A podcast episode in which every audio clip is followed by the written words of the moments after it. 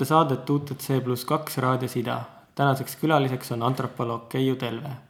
tere, mina olen Keiu, ma olen äh, antropoloog, see on natuke nüüd selline nagu anonüümsete antropoloogide sissejuhatus. ma olen antropoloogiat õppinud äh, kokku nüüdseks peaaegu kümme aastat, noh, kaheksa äh, jookseb ja teen praegu doktorantuuri Tartus, aga neli aastat tagasi alustasime kursakaaslastega sellise asjaga nagu rakendusliku antropoloogia keskus, mis siis äh, teeb inimkeskseid uuringuid. me kasutame antropoloogilisi meetodeid ja, ja näeme, kuidas tegelikult saab nende, just selliste meetodite abil hästi olulistele küsimustele vastuseid, et äh, olenemata riigisektorist või erasektorist, siis tegelikult äh, inim-, eriti otsustajatel, neil on vaja vastuseid miks küsimustele ükski äh, küsimuskava ei saa sulle anda, et miks inimesed vastavad nii, nagu nad vastavad ja miks on seal seitsekümmend protsenti jah-sid või miks mingid inimesed peavad midagi oluliseks. ja, ja ma näen, et ühiskonnas, Eesti ühiskonnas on hästi tugev numbriusk. et kui midagi on nüüd viisteist protsenti või viiskümmend protsenti või üheksakümmend protsenti, see peab nii olema. ja tihtipeale inimesed ei mõtle, et äh, mida see number meile ütleb üldse et kas ta, kas ta tegelikult üldse valideerib seda fakti, mida ta on mõeldud illustreerima. ja, ja meie eesmärk ongi selle nelja aasta jooksul olnud näidata, et tegelikult selle numbrite kõrvale on vaja neid lugusid, inimeste arvamusi, seisukohti, maailmavaadet. ja ma hästi usun, et täna kui tehnoloogia muudab meie inimühiskonda nagu kiiremini kui, kui kunagi varem. ma tean, seda on peaaegu iga saja aasta tagant arvatud, et nüüd tehnoloogia muudab kogu inimühiskonna teistsuguseks. aga on teatud tunnused, kus me võime öelda, et äh, täna ühiskond muutub väga-väga kiirelt ja ükski põlvkond ei ole tehnoloogiliselt enam samasugune kui eelmine. ja, ja seetõttu ma arvan, et selleks, et aru saada, kuhu me liigume milline meie ühiskond saab olema kümne aasta pärast, mis on need väärtused, mis tulevad selle tehnoloogia kasutamise kuidagi iseenesest kaasa või üldse mõtestada, et mida tähendab olla täna lääne kultuuri osa, siis äh, antropoloogi tööpõld on täna lõputu. ja, ja ma, mind ikka paneb imestama see, kuidas äh, Eestis eriti humanitaartaustaga teadlaste äh, rolli ei väärtustata. ühelt poolt võiks arvata, et meil on iga teadlane, iga professionaal on äh, tohutult väärtuslik, aga millegipärast me näeme sellist äh, suurt kiidukõne äh, IT selliste väga nagu selliseks matemaatiliste teaduste osas, aga teisalt me võiksime siinjuures kaasata humanitaarid, kes võiksid aidata kogu seda seda diskussiooni nagu veel edasi viia ja edasi arendada ja, ja, ja tegelikult jõuda ka selles innovatsioonis kaugemale. et selle, ma arvan, et see mõtestamise aspekt on seal hästi oluline. et need on need nagu küsimused, mis mind on praktiliselt, et äh, baka algusest saadik äh, niimoodi äh, ma ei saa öelda, et vaevanud, aga mis on mind väga tugevalt motiveerinud õppima seda, mida ma teen. ja ma arvan, et äh, et nii rakk kui ka mitmed teised asjad, millega ma igapäevaselt seotud olen, on selle eesmärgiga, et näidata, et humanitaarteadlastel on need tööriistad ja oskused ja kuidas me võiksime need panna ähm, tööle, kuidas me saaksime neid ära kasutada, kuidas me saaksime nendest äh, mingisugust järgmist teadmist luua. ja, ja see on väga põnev. esiteks võikski siis võtta kaks aastat tagasi kui oli Tartus konverents eesti keeles, siis miks maailm vajab antropolooge? just, äh, tegemist on tegelikult konverentsi sarja ühe konverentsiga. nüüdseks neid on toimunud kas äh, kuus tükki iga aasta on see erinevas linnas, sellel aastal on Lissabonis, niimoodi, et tasub kohe järgi uurida, et Why the world needs anthropologists on siis selle ingliskeelne pealkiri ja seda koordineerib ähm, Euroopa etnoloogide ja antropoloogide ühendus, äh, sellise, ongi rakendusliku antropoloogia töörühm, ja kui nad kuus aastat tagasi alustasid, siis nad tegelikult leidsid, et needsamad probleemid, et humanitaarteadlased, sealjuures antropoloogid või sotsiaalteadlased, sealjuures antropoloogid, ei ole ühiskonnas väga väärtustatud.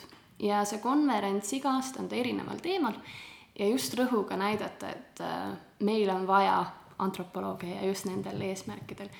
Ähm, eelmine aasta oli kesk, keskmes kliima, mõned aastad tagasi olid organisatsioonikultuuri küsimused ja see konverents, mis toimus Tartus alapealkirjaga siis Humanizing IT ehk siis kuidas muuta tehnoloogia inimkesksemaks. ja meil olid tõesti väga toredad kõnelejad kes siis rääkisid äh, erinevatest tehnoloogia antropoloogiaga seotud momentidest. ma, üks meeldejäävamaid kindlasti oli Melissa Kefkin, kes on äh, Nissanis töötav antropoloog. ta on äh, olnud seal juba kümmekond aastat ja tegutseb isesõitvate, isejuhtivate autode arendamisega. ja mida tema oma ettekandes ka välja tõi, et isesõitvad autod ei ole ainult tehnoloogia, see ei ole ainult see auto kuju ja istmed ja see aju, see kompuuter, mis paneb ta mingil viisil liikuma, vaid tegelikult on hästi huvitav küsida, et kuidas see auto peaks liikuma näiteks USA-s, kuidas äh, Indias ja kuidas Eestis. ja kuidas äh, ka täna me näeme seda, et näiteks isesõitvaid busse testides on, kohe tulevad mingisugused inimfaktorid, et näiteks äh, kui oli siin linnahalli juures äh, Euroopa eesistumisega oli selline lühikene bussiliin, siis äh, inimestele meeldis seda bussi hakata trollima. niimoodi, et sa katsud seda, sest iga kord, kui sa lähed talle natuke liiga lähedale, buss jääb seisma. või, või näiteks, et mis juhtub Tallinna liikluses ideaalselt liikuva bussiga, kes järgib kõiki liikluseeskirju ma arvan, et oleks autojuhtide hirm ja õudusunenägu, kuidas sealt ümberringi hakkas kohe toimuma mingisugused kiired möödasüstimised ja ja noh, omakorda tuleb küsimuse alla see, et täna ta on palju-palju aeglasem, et kui, kui keskmine kiirus, et et kuidas kõik need momendid hakkavad mõjutama liikluskultuuri või teistpidi, kuidas bussid peaksid käituma näiteks Eesti liikluses selleks, et nad omaks võetaks nii-öelda ja Melissa oma ettekandega tõi väga ilusasti välja, et see ei, ei ole ainult tehnoloogia, vaid see on ka kultuur ja nagu kes oleks siis parem kultuuri tõlgendama kui mitte antropoloog. milline oli selle kogu konverentsi tagasiside või, või mingisugused protsessid, mis näiteks said alguse sellest, kas neid on praegu ka näha veel? jaa, kindlasti ähm, üks asi, mäletan hästi, pärast konverentsi lõppu tuli Dan Podjet, kes on äh, sellesama network'i äh, siis juht või selline põhi, ütleme, et Eesti antro-, antro-, rakendusantropoloogia võrgustiku selline võtmeisik. tema ütles, et teil on nüüd aasta, et kasutada seda konverentsi mõju ära tõesti, see oli kajastatud nagu väga mitmetes päevalehtedes, ma arvan, et sõna antropoloogia muutus tehnoloogiamaastikul nagu mingisuguseks, sai natukene lisatähendust ja tegelikult ikka veel ka täna me saame koostööpakkumisi ja kirju selle ees või sellise nagu sissejuhatusega, et olete teinud mõned aastad tagasi sellise konverentsi, väga tore oli, et kas te olete sellega edasi tegelenud. et ma arvan, et Eesti on nii väike, et et, äh, et mingis valdkonnas huvi ja algust nagu või sellist äh, positiivset äh, tähelepanu saada, et tegelikult see pingutus ei pea olema liiga suur ja see konverents kindlasti seda oli. ma arvan, mis isegi olulisem kui selline ühiskondlik tagasiside, mis on, mida ma ei saa alahinnata, aga on ka selline antropoloogide eneseteadvuse küsimus. et Eestis ikkagi antropoloogia distsipliin on ju uus ja tegelikult ka mina olen ülikoolis õppinud etnoloogiat. et äh, me võime pikalt arutada, et mis nende kahe erinevused on, mina leian, et äh, need on tegelikult, nende fookus ja keskpunkt on sama, mõista inimeste kultuuri ja, ja tegu- ja uurida neid nendega koos, et olla nagu hästi lähedal nagu selle inimese kultuurile. ja, ja see konverents ühelt poolt aitas näidata, et Eestis on ka antropolooge, me tunneme huvi erinevate teemade vastu, millest tehnoloogia on võib-olla ainult üks. ja, ja, ja ka kindlasti, mis, mis on ikkagi üllatav, on see, et kui me käime äh, kohtumistel erinevates sektorites, me, meil on rakenduslik antropoloogia keskuses selline praktika, et me, et äh, me käime erinevates valdkondades uurime ettevõtteid, kes seal tegutsevad, kes tegelevad mingi huvitava küsimusega. me üritame leida kohtumisi, saada kokku, rääkida, et mis on need küsimused, millega nad tegelevad ja kuidas selles sektoris saaks äh, antropoloogilist uuringut kaasata. siis äh, mõnikord ikka juhtub seda, et me lähme istume koosolekulaua taha ja siis öeldakse meile, et no, et aga antropoloogid, et me ei saa päris täpselt aru, et kuidas see IT ja nüüd need väljakaevamised omavahel kokku lähevad. et see antropoloogia ja arheoloogia segamini ajamine on jätkuvalt hästi-hästi tihe. võib-olla on füüsiline antropoloogia teinud selles osas ka nagu mingit kuvandit loonud, et me uurime neid ähm, kolpasid ja luid ja inimese pärim-, pärinemist ahvist. et ähm,, et on ikka ikkagi see sõna on inimestel nii võõras.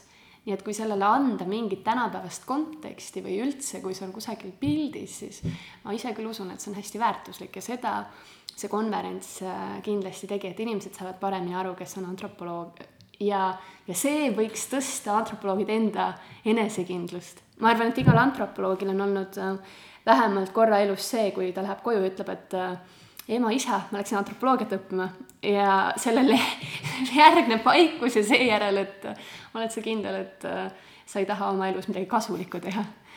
ja, ja ma arvan, et see algab nii varakult, äh, selline humanitaaride enesekindluse õõnestamine hästi lähedalt juba pereringist, äh, sõpradega ja ja kui saab väljaspoolt näidata, et ei, seal on nii palju asju, mida antropoloogia teha, siis see on nagu, ma arvan, et see antropoloogidele ja tulevastele antropoloogidele annab väga palju juurde. nii et, et see mõju on, see on jätkuv ja, ja ongi, ma näen seda nagu kahesuunalisena. kas seal on mingid kindlad ringkonnad, kes, kes on siis Rakiga nüüd ühendust võtnud või mm -hmm. ja kas nad on, kas on ainult Eestist või on ka mujalt tulnud mingeid? Meil on äh, mujalt maailmast, äh, on olnud mitmeid selliseid ühis äh, Euroopa Liidu projektidega või selliste suuremate rahvusvaheliste projektitaotlusi on küll tulnud, et ja sealt tegelikult on välja kasvanud sellised paar potentsiaalset võrgustikku, et koostööd teiste nagu Läti, Leedu uurijate vahel. et seda ma tunnen küll ja samamoodi on tulenevalt sellest konverentsist on meil väga head kontaktid äh, nagu ühe, teise, kolmanda riigiga. et see on nagu jällegi sellises äh, professionaalses mõttes, on hästi tore, et kuidas meie saame nende tegevustel alt üles vaadata, neilt õppida, võib-olla ise oma kogemusi jagada. et see on üks pool. aga kui me räägime uuringumaastikust, siis ikkagi, mis on RAK-iga hästi huvitav olnud pärast konverentsi me oleme intensiivselt kaardistanud Eesti IT-valdkonda.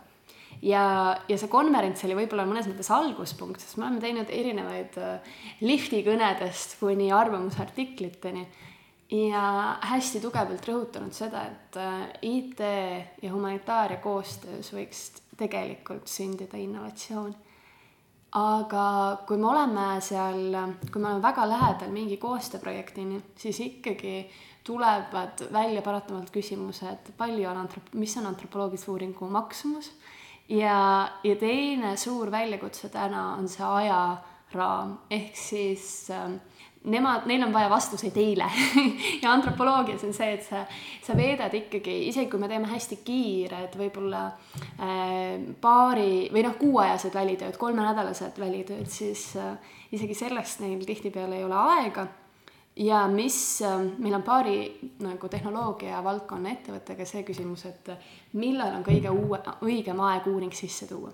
üks äh, selline terviseteemaline äh, rakendus, nendega on olnud, me oleme aasta aega kogu aeg mõelnud, et millal nüüd see uuring võiks käiku minna sest meil on fookus on teada, me teame, et äh, probleem on see, et miks inimesed pärast mingit perioodi seda enam ei kasuta. et nad on prooviperioodi ära, aga mis, miks nad edasi ei lähe ja mis motiveeriks neid võib-olla seda kauem äh, kasutama, kus nad saaksid suuremat kasu sellest. ja mis on huvitav, on see, et äh, seal on pidevalt see, et see rakendus liigub nii kiiresti, need prioriteedid on pidevas muutumises ja raske öelda, et nii, see on nüüd õige koht uuringuks ja mis on, mis on võib-olla teine pool, mis on IT-sektoritel on hästi tugev selline tegevjuhi kultus. et tegevjuhil on selline suurepärane idee, kus ta hakkab nagu kus ta hakkab eh, edasi minema, kus tal on nagu, et tal on selline nägemus, et see, see lahendus, mida tema pakub, lahendab ära need valud maailmas. ja seal on väga vähe sellist laveerimist, et eh, väljaspoolt sisendit ja läbimõeldud otsuseid, et see kipub olema hästi nagu sisetundepõhiselt, et nad seda esimest sisetunnet väga ei valideeri. ja, ja mõnikord äh, näkkab, mõnikord sellest ettevõttest saabki iseenesest unicorn ja mõnest teisest ettevõttest ta vajaks seda teist teadmist. Aga meil on just praegu näiteks äh, otsapidi ikkagi tehnoloogiaprojekte olnud. Meil on väga tore projekt praegu käimas Startup Estoniaga, kus äh, me kaardistame seda, et kuidas täna koolides äh, toetatakse tehnoloogia valdkonna oskusi, aga tegelikult üldse laiemalt STEM valdkonna oskusi, ehk siis seal on nagu kõik loodusteadused, matemaatika, tehnoloogia aga teistpidi, kuidas sinna juurde tuua veel ettevõtlus ja kuidas läbi sellise Eesti haridussüsteemi robootikaringidest kuni, kuni äh, äh, küberturvalisuse laagriteni, et kuidas nendest äh, erinevatest ettevõtmistest kasvaksid välja järgmised äh, maailma mastaabis startup'erid. ja, ja seal, ja seal me küll väga, see on, me keskendume just küberturbe valdkonnale teeme intervjuusid juba ettevõtjatega, lastega erinevas vanuseastmes, äh, räägime tudengitega ja seal on küll näha, et tegelikult, kuidas me saame vaadata, et kuidas see nii-öelda see ettevõtja elukaar täna on äh, kujunemas. nii et äh, kõik need projektid, ma arvan, et iga asi, mida me teeme, annab nagu oma panuse sellesse antropoloogia tuntusesse aga ühel hetkel on see, et on raske eristada, et mis on konkreetselt selle konverentsi roll või nende liftikõnede roll või nende koosolekute roll, et pigem see on nagu selline tervik. Ja, ja rakk ei ole kindlasti selles üksi, et äh, ma arvan, et iga kord, kui mõni antropoloog kirjutab ja ja kui, kui me räägime, mida me teeme kas või äh, vanaema juubelil oma onupojale, kes tegelikult on ka mõne startup'i võib-olla äh, liige või, äh, või ettevõtja, siis, äh, siis sellest on ka kasu.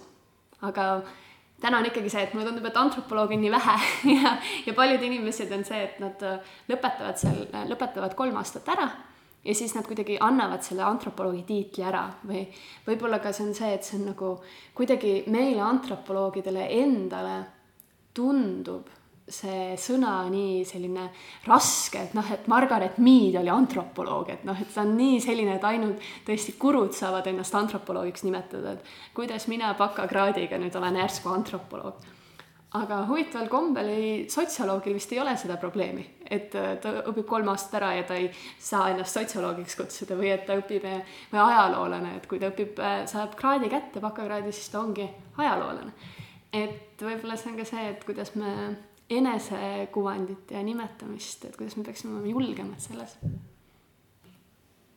kui palju RAK kaasab äh, näiteks Tartu tudengeid äh, just etnoloogia osakonnast või, või kutsub neid vähemalt -hmm. enda, enda hulka?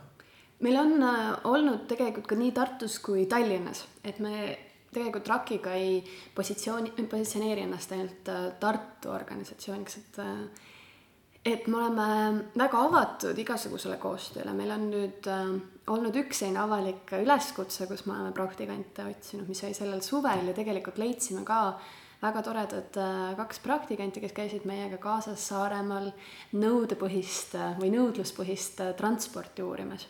mis on ka tegelikult tehnoloogiaga seotud, sest seal on küsimus, et kuidas, äh, kuidas saaks teha kui linnas on meil Uberid ja Taxify'd, et kas mingit sarnast platvormi oleks võimalik näiteks äh, luua hajaasustusele. aga nii et ja sinna me äh, kaasasime kaks tudengit ja tegelikult äh, nüüd kaks aastat juba on Tartus olnud rakendusantropoloogia, õigemini see pikk nimetus on etnoloogia, folkloristika ja rakendusantropoloogia eriala ja ja nii mina kui Helleka Koppel, kes on ka RAK-i üks asutajaliikmetest, oleme neile või kahe aasta jooksul nad, kohtume nendega juba üsna esimesel kursusel läbi, läbi kahe aasta me teeme nendega koostööd. jagame oma kogemusi, kaasame neid projektidesse, kutsume praktikatele. et, et seal on võib-olla see koostöö kõige tugevam ja, ja isegi jaa, bakatudengid on ka käinud niimoodi, et äh, otsige meid üles, et meil on nagu tegelikult on see, et meil on tulemas projekte ja pigem täna meile tundub isegi kohati, et meil on nagu inimeste puudus, mitte enam projektide puudus. ja see on, see on ainult tore. ja jah, nii et, et võiks, võiks isegi tudengid olla selles osas aktiivsemad, et tulla ja otsida projekte ja mis on eriti vahva oleks siis, kui tuleks mõni tudeng, kes ütleks, et et mind on Eestis juba pikka aega häirinud see ja ma tahaksin vaadata, et mi, kuidas ma saaksin antropoloogina öelda näiteks ma ei tea, teha koostööd mõne meediaväljaandega ja, ja uurida välja, et mida inimesed täna arvamusartiklites tegelikult tahavad.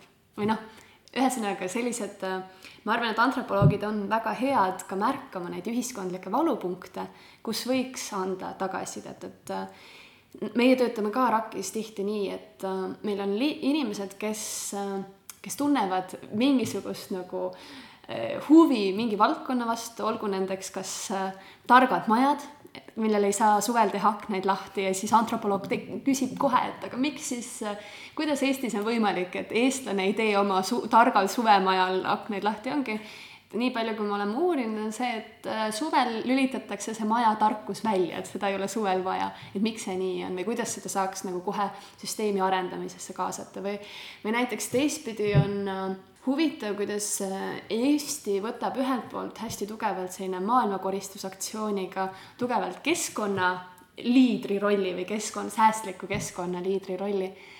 aga teisalt näiteks meie sorteerimisnumbrid on palju madalamal kui mõnel teisel Euroopa riigil, et miks see nii on. et ma arvan, et nende vastustega oleks mõlemas kontekstis arendajatel, disaineritel, ma ei tea, ministeeriumitel väga palju teha aga täna veel ei osata võib-olla küsida, miks ja siis ongi see, kus meie läheme ja ütleme, et äh, aga võib-olla me saame siin koostööd teha. viimased küsimused, millest sa räägid, tegelevad väga palju tulevikuga. mis, nagu sa ka enne ütlesid, on, on antropoloogias mõneti problemaatiline, et me ei, me justkui tegeleme mingite pigem olnud või hetkel toimuvate sündmustega mm. -hmm. kui palju, kui palju näiteks rakk paneb rõhku sellele, et mõelda just tulevikule ja, ja kuidas antropoloogia saab, saab midagi öelda mm. selle kohta, mida me ehk hakkame tegema või spekuleerida isegi, kui, kui mm -hmm. nii võib öelda. ma arvan, et on oluline selleks, et ähm, küsida, et mida me hakkame tegema, on vaja teada saada, et mida me täna üldse teeme, kus me tänasel hetkel oleme. ja mulle väga meeldib äh, äh Miidi ütlus, et see mida inimesed teevad, see, mida inimesed ütlevad ja see, mida nad ütlevad, et nad teevad, on kolm täiesti erinevat asja. ja ma arvan, et tihti paljudes valdkondades inimesed, otsustajad arvavad, et nende sihtrühm käitub või arvab või teeb midagi mingil viisil. aga see äh, lähte-eeldus on juba vale. ja, ja siin just ma näen antropoloogidel väga suurt tugevust äh, mõtestamisel, just selle tänapäevase olukorra kirjeldamisel, mis, mis võimaldab välja tuua selle, et mis on inimeste hirmud, hoiakud, väärtushinnangud.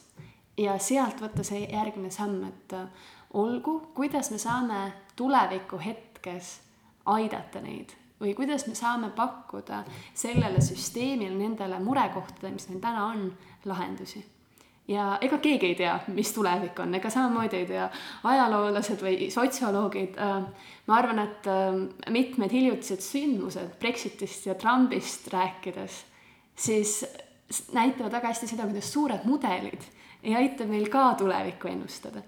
ja, ja ma ise arvan, et see, kui me te, oskame või kui me teame tänapäeva olukorda piisavalt hästi ja piisavalt detailselt ja meil, meil on ülevaade ja me näeme selles mustreid, siis see teadmine aitab teha tuleviku otsus, suhtes paremaid otsuseid, ilma üritamata seda ette ennustada.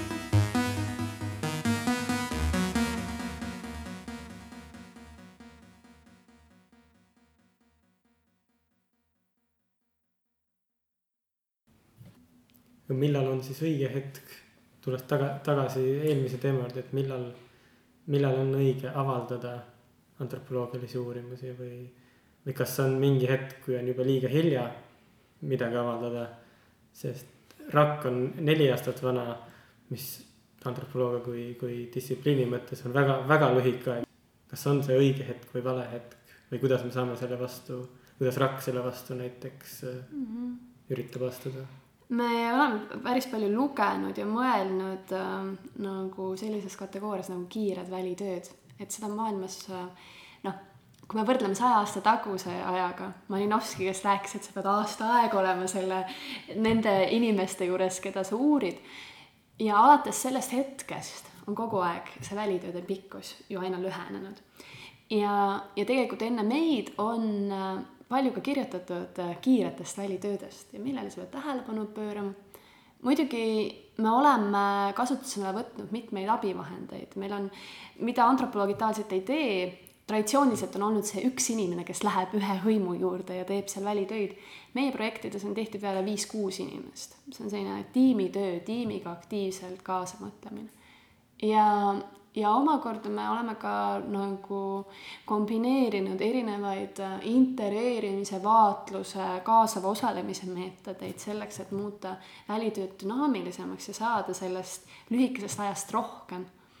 ja, ja ikkagi ma, kui me mõtleme niimoodi, et meie projektid on kolm nädalat, aga kui seda teevad äh, kuus inimest, siis äh, tegelikult juba see aeg, mida me veedame nende inimeste juures, on, on tegelikult palju pikem aga, aga veel omakorda ma arvan, et äh, siin on küsimus kompromissis, selle aja ja vastuste kompromissis, et, äh, et ma ütleksin, et äh, muidugi oleks parem veeta nende inimestega pool aastat, teha mitu kuud, teha aastatepikkused projektid, aga olukorras, kus meil turud äh, ei ole, kui ka kõik, eriti näiteks ka, kui me räägime millegi äh,, mingi protsessi disainimisest või mingist tagasisidest, siis seda on vaja kiiremini ja siis me teemegi selle, et me oleme nõus tegema intensiivsemalt, lühema ajaga ja see äh, tulemus, mida me saame neile anda, on ikkagi parem kui see, kui nad ei kaasaks antropoloogi. et, ähm, et see on, see on jah raske, et kuidas, kuidas me teeme paarikuuseid projekte ja ütleme, et see on ikkagi veel nagu selline tõsine antropoloogia. aga, aga teistpidi on see, et kui me võtame need antropoloogilised meetodid, viime nad tänapäeva konteksti ja, ja kui sa veedad näiteks kusagil kontoris nädal aega, siis tegelikult sul on võimalik näha neid mustreid, alati on võimalik minna sügavamale. inimesed kirjutavad ka oma doktoritööd kümme aastat, sest nad tunnevad, et natukene on vaja veel minna sügavamale. aga selle tuumiku on võimalik juba kätte saada paari-kolme nädalaga aga mis, mis võiks olla see, mis on see kasu, mida võiks just väga kiire reageerimine saada või, või näiteks äh, Eestis ei ole see kuigi tavaline, aga, aga teistes suuremates riikides, et, et küsitakse antropoloogide arvamust. kui midagi juhtub mingil hetkel, olgu see mm. Brexit või, või valimised, et kas, kas see võiks olla ka Eestis mm -hmm. reaalne olukord, kus helistataksegi Irakile ja küsitakse, et mis te arvate nüüd. varsti tulevad jälle valimised, kuidas te reageerite sellele, mis mm -hmm. juhtus? no üks asi on see, et meil on vaja ikkagi ju mingit ekspertiisi, et antropoloog ei ole, me ei, ilma käimata väljal, me ei saa omada mingisugust teadmist järsku Lõuna-Ameerika mingitest põlisrahvastest. et see ei ole võimalik, et äh, ma arvan, et tänapäeva ühiskonnas on niigi palju sellist äh, kuidagi eksperdi poosi, et mingid inimesed on lihtsalt kuidagi kasvanud ekspertideks, et kindlasti antropoloogi roll ei ole olla lihtsalt igal teemal sõnavõtja ja, ja see ei saa, see kindlasti ei, ei kuidagi ei edenda avalikku diskussiooni. aga, aga ma näen küll, mille, mida me ise ka üritame õppida, on see, et isegi kui me teame millestki hästi, siis meie arvamusartikli kirjutamine näiteks käisime Saaremaal, tegime selle uuringu, millest ma hetk tagasi rääkisin. sellest edasi oli see, et me ähm, alles kuu aega hiljem kandsime need uuringu tulemused ette ministeeriumile, Maanteeametile, erinevatele, selle Majandus-Kommunikatsiooniministeerium, seal oli Sotsiaalministeerium. nende esindajatele siis sealt äh, läks veel mõned päevad mööda, kui me käisime Arvamusfestivali paneelis nendest rääkimas, veel omakorda reflekteerimas ja, ja jagamas ja mõtteid kogumas. ning Arvamusfestivalist läks veel mööda kaks nädalat, kuni me saime need tulemused äh, formuleerida sinna arvamusartikli vormi ja oleme valmis äh, või noh, ongi see, et kas nüüd paar päeva tagasi me saime teada, et need tulemused avaldatakse äh, arvamusartikli kujul Saarte Hääles ehk kohalikus ajalehes. et aga see protsess on võtnud ju noh, praeguseks äh, juuli algusest siin augusti lõpuni kaks kuud. et, äh, et siis on see tõesti, et meil on see kompetents, meil on huvi, me reflekteerime, mõtleme, arutame ja siis ta jõuab mingisugusesse vormi. me peaksime saama kiiremini, ma olen, ma olen sellega täiesti nõus, aga aga ka näiteks minu enda doktoritöö on migratsiooni teemal. ja kui lahvatas äh, rändekriis, nagu seda on meedias korduvalt nimetatud, siis, äh, siis olenemata sellest, et ma olen migratsiooniteemadega tegelenud äh, noh, praktiliselt kuus aastat, siis sellel hetkel ei olnud ikkagi mul julgust öelda midagi sõjapõgenike kohta, teisest kultuuriruumist tulnud inimeste kohta, sest mina tegelen hoopis Eesti-Soome vahelise rändega ja ma olen palju sellele olukorrale tagasi mõelnud ja, ja tegelikult ma arvan, et me peaksime mõtlema laiemalt oma valdkonnast, et minu valdkond ei ole uurida ainult Eesti mehed Soomes, vaid noh, laiemalt ma usun sellesse, et inimestel peaks olema õigus vabalt äh, maailmas liikuda ja seda enam, kui on tegemist mingite äärmuslike kriisiolukordadega. ja ja lihtsalt sellel het- ja tegelikult see oli ka meedias hästi pikalt äh, nagu diskussiooni all ja ma ei leidnud seda sobivat hetke ja seda sobivat häält, kuidas võtta nüüd antropoloogina, migratsiooniuurijana sõna. ja ma pigem, ma ütlen, et ma kahetsen seda, et ma seda ei teinud, et äh, sellised olukorrad on tegelikult väga väärtuslikud ja, ja mida ma olen veel tähendanud, on see, et antropoloogidel, isegi kui nad on selle valdkonna eksperdid on raske võtta selles uues aktuaalses kontekstis sõna. Äh, näiteks, ma ei tea, kui me räägime äh, keskkonnaaktivistidest, kes seovad ennast puude külge, siis äh, kirjutatakse semiootikule, sotsioloogile, kommunikatsiooniteadlasele, kellele veel ja kõik nemad on väga kiirelt valmis oma kommentaari ütlema. aga tegelikult meil on ju ka inimesi, kes kes on tegelenud subkultuuridega või kes on tegelenud mingite ühiskondlike liikumistega, tegelikult peaaegu kõik antropoloogid tegelevad mingil kujul nende teemadega, siis äh, ikkagi noh, võib-olla mul ei tule praegu meelde, aga ma ei, näiteks antropoloogid saada sellele olukorrale kommentaare on pigem, pigem erandlik ja ma arvangi siin, et et see on seesama julgus, et kui sa hakkad mingi grupi eest rääkima, sa pead seda hästi pikalt nagu reflekteerima, mõtlema, et kas meil on juba distsipliinist tulevalt nii tugev selline uurija eetika ja oma, oma uuritavate kaitsmine ja ikkagi, et õigesti tõlgendamine, kõik on sellised väga tugevad alusväärtused ja nad ei tule meile alati selles meedias kiirelt sõnavõtmise ajal kasuks. Kas siis võiks teisiti öelda, et me, et antropoloogia peaks justkui õigustama või põhjendama ja, ja tugevdama enda kui, kui aeglase reageerija või kui mitte aeglase, aga, aga väga süvitsi mineva distsipliini main-, mainet. et ta võtab selle hetke mõtlemisaega ja vastab võib-olla võrdlevalt ja mitte kohe. see on väga hea küsimus ja ja meil oli, talvel oli doktorikool, mis sai samuti Tartus doktorikool humanitaarvaldkonnas rändest, meetoditest ja piiridest.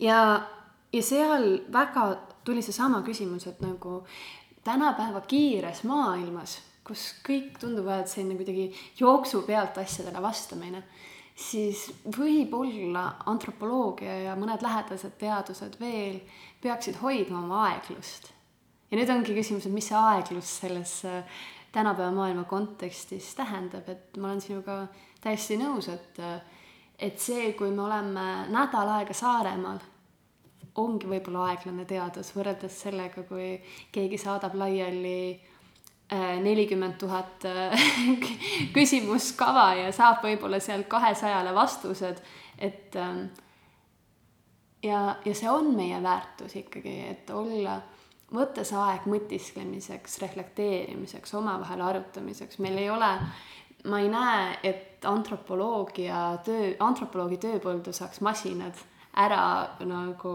äh, automatiseerida, sellepärast et see on nii tugevalt äh, pendeldamine nende uuritavate ja selle keskkonna ja oma mõtete vahel ja leida neid mustreid, minna fookuses nagu sügavamale, tulla uuesti välja, näha suurt pilti. ja, ja see ei tule nagu teisiti, minu kogemusel vähemalt mitte, kui sa võtad selle aja lugemiseks, uuesti kuulamiseks, tagasi minemiseks, suhtlemiseks juba tegelikult intervjuu ise, tund aega kellegiga juttu rääkimine on tänapäeval väga aeglane. Ja, ja see on huvitav, kuidas ma olen eriti hiljuti kuulnud, et inimesed äh, tunnevad puudust sellest, et teised inimesed suudaks neid tund aega järjest kuulata. ja ma arvan, et antropoloogid on ka, täidavad selle, selle vajaduse tulevikus ära, et me oleme harjunud oma tööst tulenevalt inimesi pikalt kuulama ja, ja see, kuhu inimene võib ise jõuda enda peale mõeldes tunni aja, kui ta võtab selle tund aega selleks, et sealt tuleb väga, väga põnevaid asju, mida, mida ei anna mitte ükski, ükski teine uurimisviis. lõpetuseks selline pikem küsimus sõnast antropoloogia ise ja selle praegusest kasutusest ja just meedias. ma olen viimasel ajal näinud üllatavalt palju seda sõna antropoloogia e, e, erinevates vormides, kas siis antropoloogia, antropoloogiline huvi, e, antropoloogiline pilk, antropoloogiline vaade. aga ma ei saa aru, mida selle all mõeldakse, näiteks Rahvusringhäälingu kultuurilehel on üks artikkel, kus kirjeldatakse, et keegi on kogukondi antro-, antropoloogilisest huvist külastanud ja sealjuures on antropoloogiline huvi pandud jutumärkidesse, justkui see oleks mingi eriline väide. või on näiteks foorumites ja sotsiaalmeedias kirjeldatud, kuidas inimene antropoloogilisest huvist midagi küsib või arvab. Või siis on, on artikleid, kus antropoloogiline huvi on äh, vabandus või mingisugune ülejääk. näiteks viimati kirjeldati punklaulupidu niimoodi, et selle ainus väärtus on seega antropoloogiline. Mm.. mis mulle jällegi segaseks, et äh, ühest küljest on hea, et seda sõna kasutatakse, et ta on äh, laialt levima hakanud, aga mida see tähendab, kui seda niimoodi kasutatakse või mida see võib tähendada? oh, inimesed kasutavad igasuguseid sõnu nii erinevates tähendustes. ma arvan, et äh, hiljuti just Aimar Ventsel kirjutas äh, arvamusartikli sellest, et kui räägitakse sotsiaalsest kapitalist et siis inimesed mõtlevad selle all nagu nii palju erinevaid asju, et äh, ja üldse, et kuidas äh, Marxi kapitali tsiteeritakse, kasutatakse, refereeritakse nagu miljonil erineval viisil ja enamjaolt valesti. et ma arvan, et see on äh, igasuguse sellise populaarsusega kaasas käiv taak, et äh, et, et see rebitakse kontekstist välja, mis natuke on tõesti hirmutav see, et kui see antropoloogiline huvi on nagu midagi pehmet ja natukene veidrat, et noh, ma siit antropoloogilisest huvist vaatan, kuidas ma ei tea, pühapäeva hommikul mehed kogunevad külapoe ette, noh, siis see kuidagi tundub just nagu selle distsipliini nagu äh, väheväärtustamine. aga ma ise olen küll seda meelt, et pigem on tore, kui see sõna on käibel. et äh, kui ma ütlen inimesele antropoloog ja tal on, ta on seda sõna varem kuulnud, siis mul on võimalik sinna lisada mingit tähendust. kui ma pean alustama nullist, et antropoloogia ei ole sama, mis arheoloogia, siis äh, või üldse, et antro mis, et, äh, et sellistel hetkedel kindlasti see sõna levimine on parem kui selle sõna mittelevimine ma arvan, et siin on jällegi antropoloogid ise peaksid võtma nagu ma arvan, et see on väga hea arvamusartikli alguspunkt, et äh, kui, mida, mis asi siis see antropoloogiline pilk on või antropoloogilisest huvist lähtudes, mida see tähendab ja kellel võib olla antropoloogiline huvi ja kellel mitte, et kas, äh, sest noh, tegelikult ju antropoloogiline huvi on väga tore asi.